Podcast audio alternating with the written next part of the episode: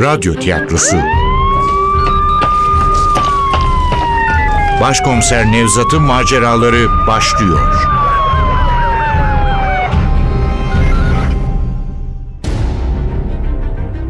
İstanbul Hatırası. Eser Ahmet Ümit. Radyoya uyarlayan Safiye Kılıç. Seslendirenler Başkomiser Nevzat Nuri Gökaşan Ali Umut Tabak Zeynep Dilek Gürel Leyla Barkın Nilgün Kasapbaşoğlu Namık Hakan Banlı Efektör Ufuk Tangel Ses Teknisini Can Erdoğan Yönetmen Aziz Acar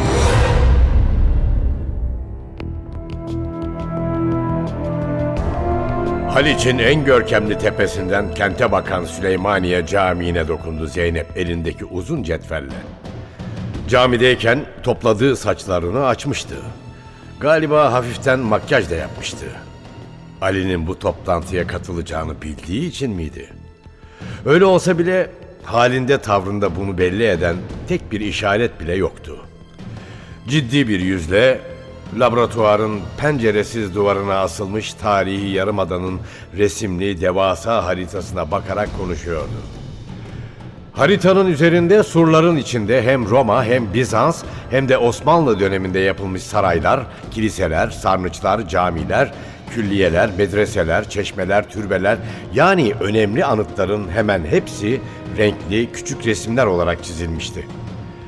Katillerin kurbanlarını bıraktığı yerlerin üzerine kırmızı daireler yaptırmıştı Zeynep. Birden beşe kadar numara verilen kırmızı dairelerin içinde cinayetlerle ilgili küçük notlar göze çarpıyordu. Şimdi de gözlerimizi haritadaki tarihi eserlere dikmiş, altıncı kurbanın nereye bırakılacağını tartışıyorduk aramızda. Ben de Cevaz Efendi gibi düşünüyorum. Fatih'in ardından gelen en güçlü hükümdarın yaptırdığı en muhteşem ibadethaneye bırakacaklar yeni kurbanlarını. Yani Süleymaniye'ye. Ama Fatih'ten Kanuni'ye kadar arada iki güçlü hükümdar daha var. Fatih'in oğlu 2. Beyazıt'ta torunu Yavuz Sultan Selim. Üstelik onların adına da külliyeler yapılmış. Fazlı Gümüş'ün yani son kurbanın ok ucu biçimindeki elleri ters yönü gösterdiğinden Yavuz Sultan Selim Camii'ni geçelim ama katiller kurbanlarını Beyazıt Külliyesi'ne de bırakabilirler. Aklıma bir şey geldi. Hiç düşünmediğimiz bir nokta. Zeynep'le ben eski belediye başkan yardımcısının başsız bedenini Fatih Camii'ne kimin bıraktığını araştırırken o da kargo şirketine gitmiş bedensiz başı kimin postaya verdiğini soruşturmuştu. Ulaştığı eşgaller bize anlatılanlarla aynıydı. Sakallı gözlüklü bir adamla çarşaflı bir kadın. Sakallı adam güya kimlik kartını vermişti kargo şirketine. Verdiği kart ikinci kurban Mukadder Kınacı'ya aitti. Hiç düşünmediğimiz bir nokta. Ya yanıldıysak? Ya katiller İstanbul'un tarihine göre değil de coğrafyasına göre hareket ediyorlarsa? İstanbul Yeditepe'nin üstüne kurulu değil mi? Şimdi bu Sarayburnu kaçıncı tepe oluyor? Birinci tepe. Tabi sadece Sarayburnu değil. Topkapı Sarayı, Ayasofya ve Sultanahmet'in bulunduğu yer. Evet, birinci tepe. Ya Çemberli Taş? Orası ikinci tepe.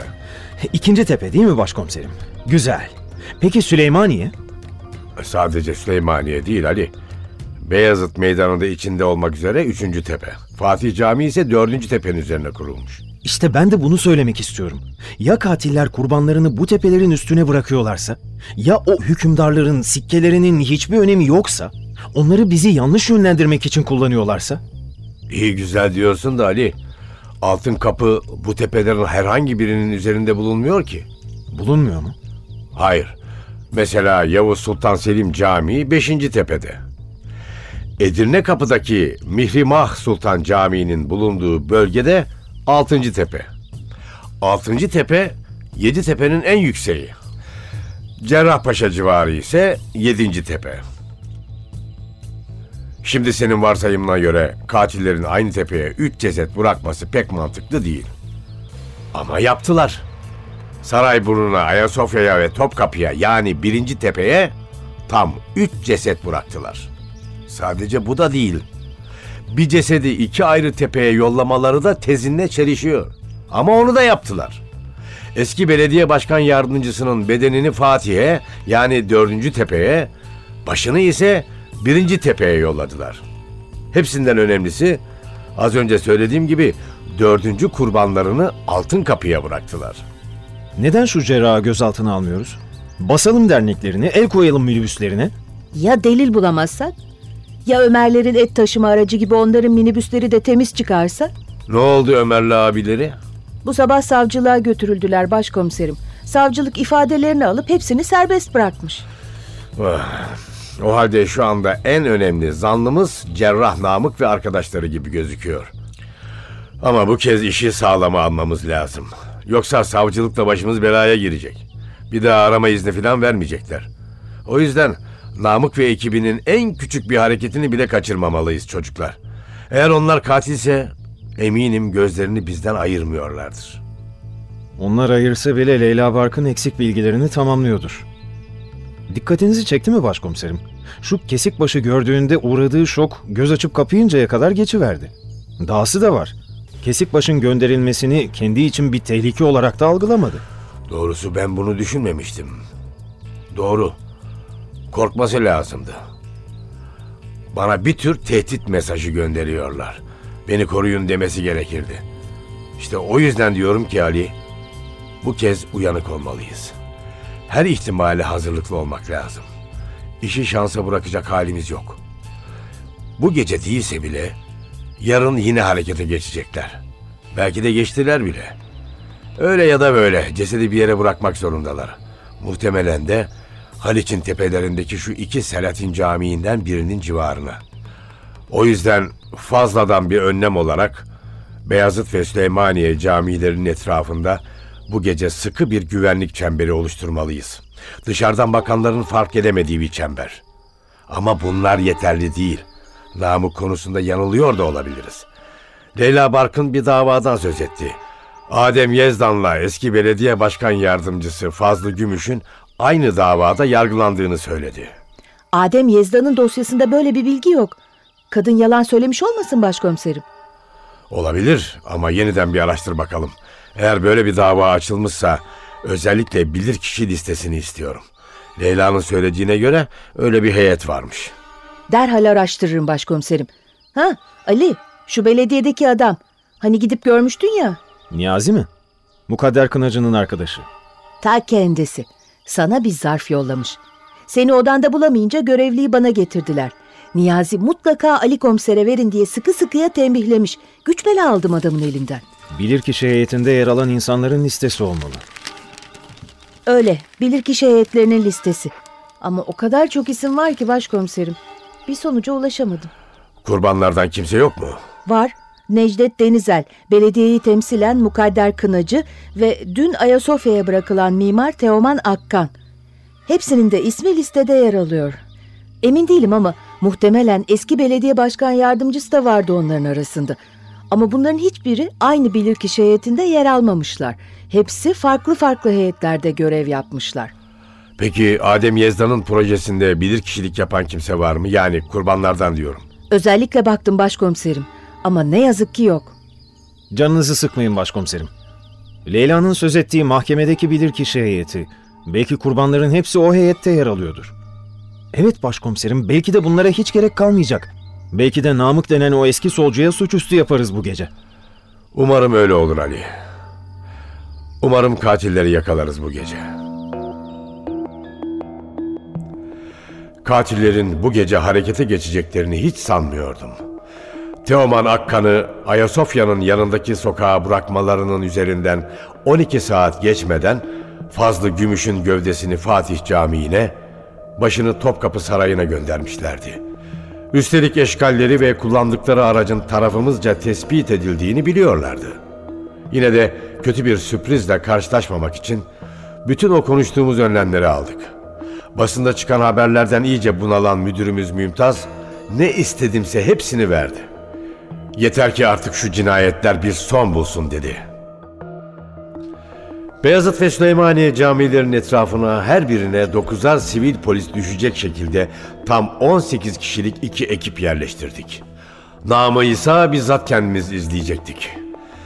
Ayasofya'dan birkaç yaş daha büyük Küçük Ayasofya Camii'nin sol tarafındaki boş arsaya tren yolunun hemen önünde yan yana sıralanan araçların arasına park etmiştik Ali'nin arabasını.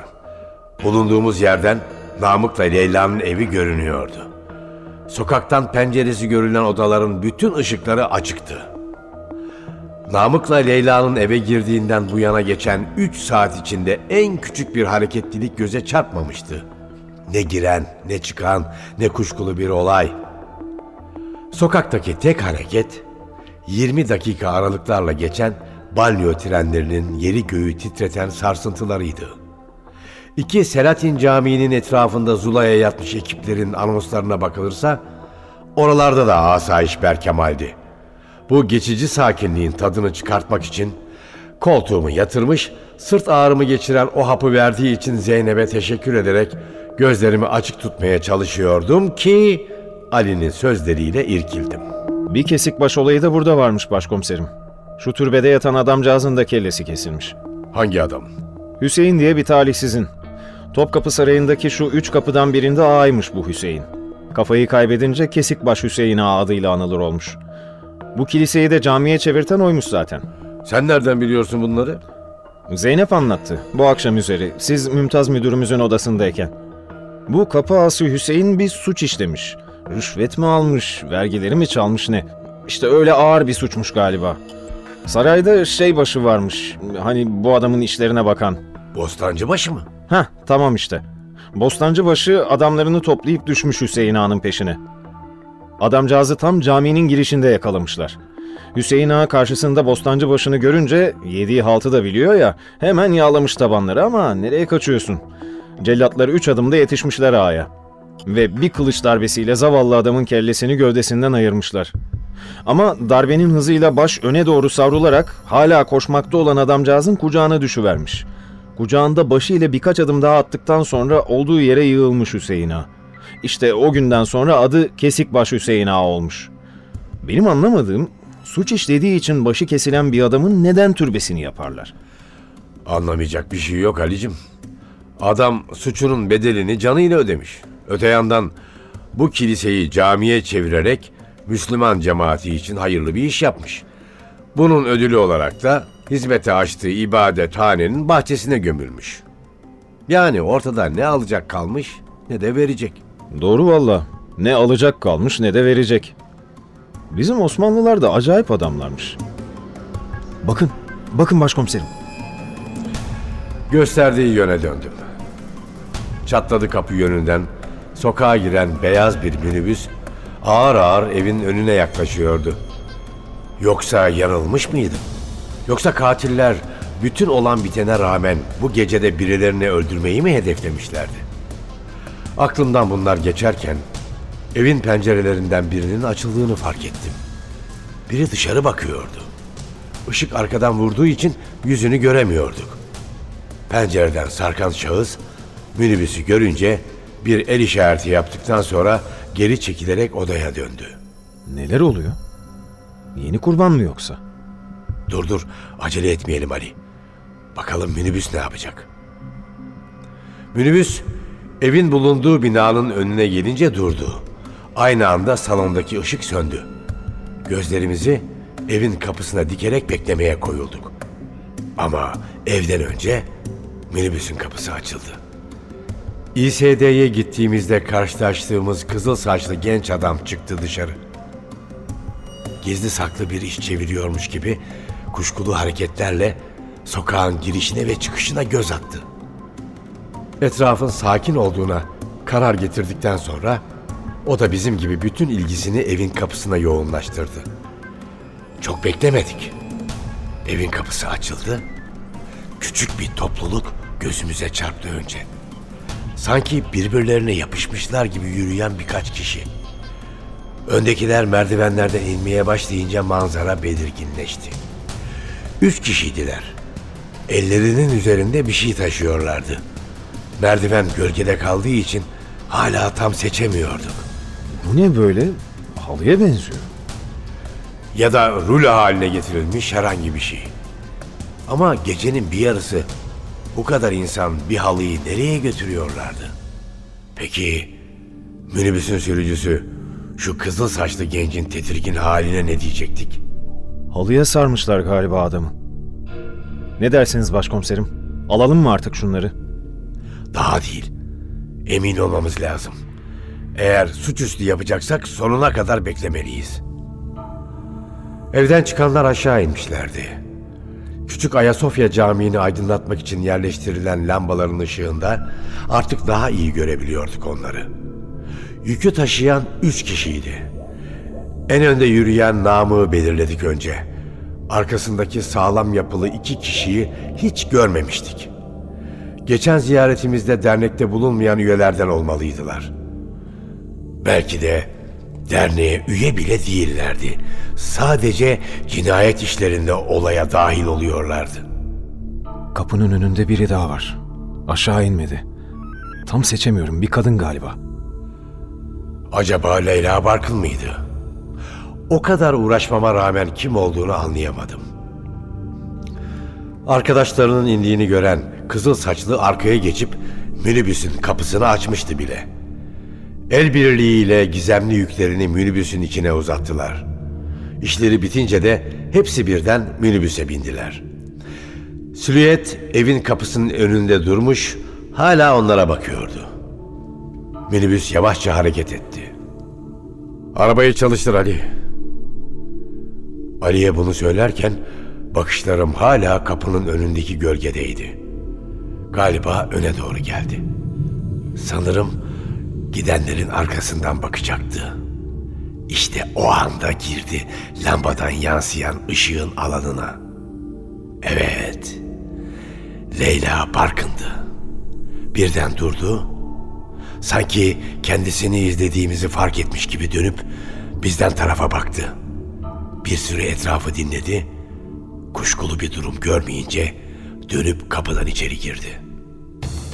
Hadi Ali, adamları kaybetmeyelim. Merak etmeyin başkomiserim. Artık kuş olsalar kaçamazlar elimizden. Beyaz minibüs gibi biz de evin yanındaki sokaktan yukarı vurduk. Sağa kıvrılarak can kurtarana giden caddeye çıktık. Gündüzleri sıkça turist kafileleriyle karşılaşılan cadde gecenin bu saatinde sakindi. Bir de keşke önümüze şu çöp kamyonu çıkmasaydı. Adım başı durup çöplerin yüklenmesini bekleyen bu devasa aracı geçtikten sonra yeniden hızlandık. Adamları kaybettik mi diye kaygılanmaya başlıyordum ki Ali müjdeyi verdi. İşte oradalar. Bakın otelin önünden geçiyorlar. Evet görmüştüm. 50 metre kadar önümüzde normal hızla ilerliyorlardı. Aramızda bir araç daha vardı. Siyah bir cip. Ama şu en büyüklerinden, en pahalılarından. Camları da kaportası gibi koyu renk olanlarından. Bir süre peş peşe ilerledik. Nedense cip bir türlü ayrılmıyordu minibüsün peşinden. Ama aradaki mesafeyi de bozmuyordu. Bizim pimpirikli Ali'nin de dikkatinden kaçmamıştı bu sürpriz araç. Yoksa ciptekiler de mi onlardan? Anlarız Ali'cim. Biraz uzak duralım. Bizi fark etmesinler. Yardımcım ayağını gazdan çekti, geride kaldık. Araya bir iki araba daha girdi. Bir sokak sonra araçlardan biri sağa yanaşıp park etti. İlerideki kavşağa gelince minibüs denize doğru inerken diğeri de Sultanahmet yönüne döndü. Biz yine cipin arka ışıklarıyla baş başa kalmıştık. Can kurtarana gidiyorlar galiba başkomiserim. Burası sabah geçtiğimiz yol. Adem Yazdan'a giderken hani. Aklıma gelen düşünce tüylerimi diken diken etti. Yoksa sıra şu ilginç turizmciye mi gelmişti? Minibüse koydukları o bezlerle sarılı yük neydi o zaman? Belki de altıncı kurbanlarını taşımak için getirmişlerdi o halıyı ya da bez rulosunu.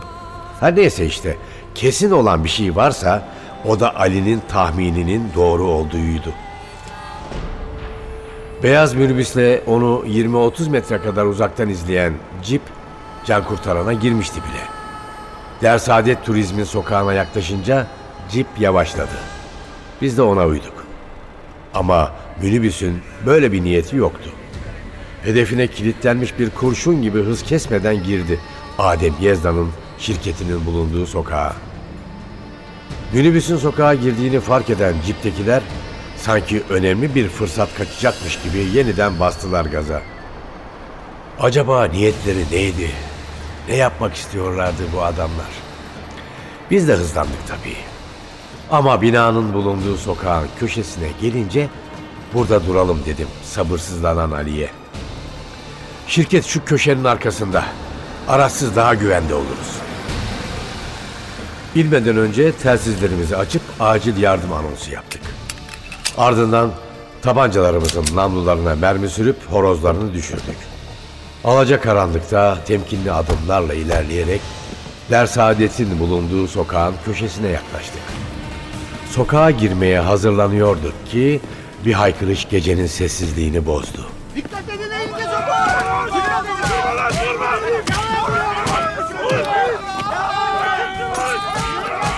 Silahlarımızı çekip sokağa daldığımızda ardı ardına inip kalkan sopalar, birbirine girmiş insanlar gördük. Önce bu sabah Dersaadet'in girişinde bizi karşılayan, klonlanmış gibi birbirine benzeyen iki korumayla eski polis Ercan'ı seçtik. Ellerindeki beyzbol sopalarını Namık ve arkadaşlarının kafalarına, gözlerine, nerelerine gelirse Allah yarattı demeden indiriyorlardı. İlk darbeyi alan minibüsü kullanan kızıl saçlı genç olmalıydı. Zavallım yarı baygın halde kıvranıp duruyordu yerde. Öteki iki İSD'li ardı ardına inen sert darbelere elleriyle kollarıyla karşı koymaya çalışarak adım adım geri çekiliyorlardı. Kavga arbede görünce yerinde duramayan bizim dövüş horozu derhal olaya dahil olmak istedi. Elimle onu durdurdum. Aynı anda Ercan'la boğuşan namığa takıldı gözlerimiz. Doktor eski polisin sopayı tutan elini bileğinden yakalamıştı. Bütün çabasına rağmen Ercan bileğini kurtaramıyor, çırpınıp duruyordu. Kısa bir çekişmenin ardından cerrah hiç beklemediğimiz bir şey yaptı. Sanki usta bir dövüşçüymüş gibi parmaklarının ucunda yükseldi, başını usulca geriye itti. Eyvah gitti Ercan'ın burnu. Aynen dediğimiz gibi oldu. Namık kafasını gömdü Ercan'ın suratının ortasına. Ercan arkaya doğru savrulurken de elinden sopayı kaptığı gibi indiriverdi Ercan'ın göğsüne. Nefesi kesilen eski polis içi boşalmış bir ağaç gibi yıkıldı Dersaadet Turizm'in merdivenlerine. Eğer bu işleri az buçuk biliyorsam en az 10 dakika kalkamazdı düştüğü yerden. Bunu Namık da anlamış olacak ki elindeki sopayla sağ tarafında arkadaşını dövmekle meşgul olan korumaya yöneldi. Sopayı iki eliyle sağlamca kavrayarak korumanın kafasına indirmeye hazırlanıyordu ki ardı ardına üç el dokundum tetiğe. Bir zamanlar Büyük Bizans Sarayı'nın bulunduğu alan ardı ardına üç kez patlayan tabancanın sesiyle yankılandı. Dövenler, dövülenler hepsi dönüp aynı anda bana baktılar. Sopalar yere! Eller yukarı! Hadi bir daha söylemeyeceğim. Sopalar yere dedim. Atsana sopayı. Gelip ben mi alayım elinden?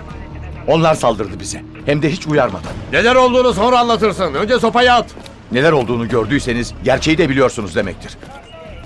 Ambulans çağırsan iyi olacak Ali. İçinizden birer kişi yaralı arkadaşlarınıza baksın. Ne yapıyordunuz burada? Hı, doktor bey, ne işiniz vardı gece yarısı bu şirketin önünde? Ali, minibüsteki paketi açsana. Bakalım ne varmış içinde. Ali minibüsün arka kapısına geçti. Top halindeki kumaşı sürükleyerek minibüsten indirdi. Ucundan tutarak ruloyu açmaya başladı. Top döndükçe yazılar, çizimler ortaya çıkmaya başladı. Hayır, ceset filan yoktu rulonun içinde. Ama kumaşın üzerinde kocaman bir resim vardı. Adem Yezda'nın kabak kafasını görür görmez tanıdım.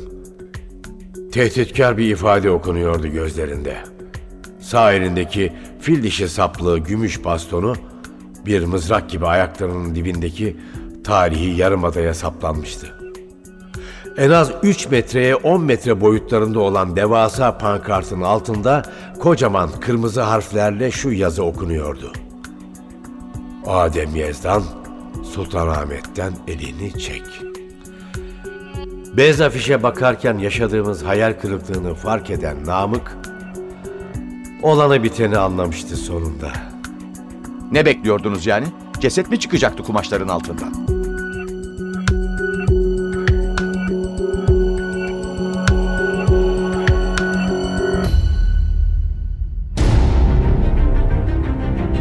İstanbul Hatırası. Eser Ahmet Ümit. Radyoya uyarlayan Safiye Kılıç. Seslendirenler Başkomiser Nevzat Nuri Gökaşan Ali Umut Tabak Zeynep Dilek Gürel Leyla Barkın Nilgün Kasapbaşoğlu Namık Hakan Banlı Efektör Ufuk Tangel Ses Teknisini Can Erdoğan Yönetmen Aziz Acar.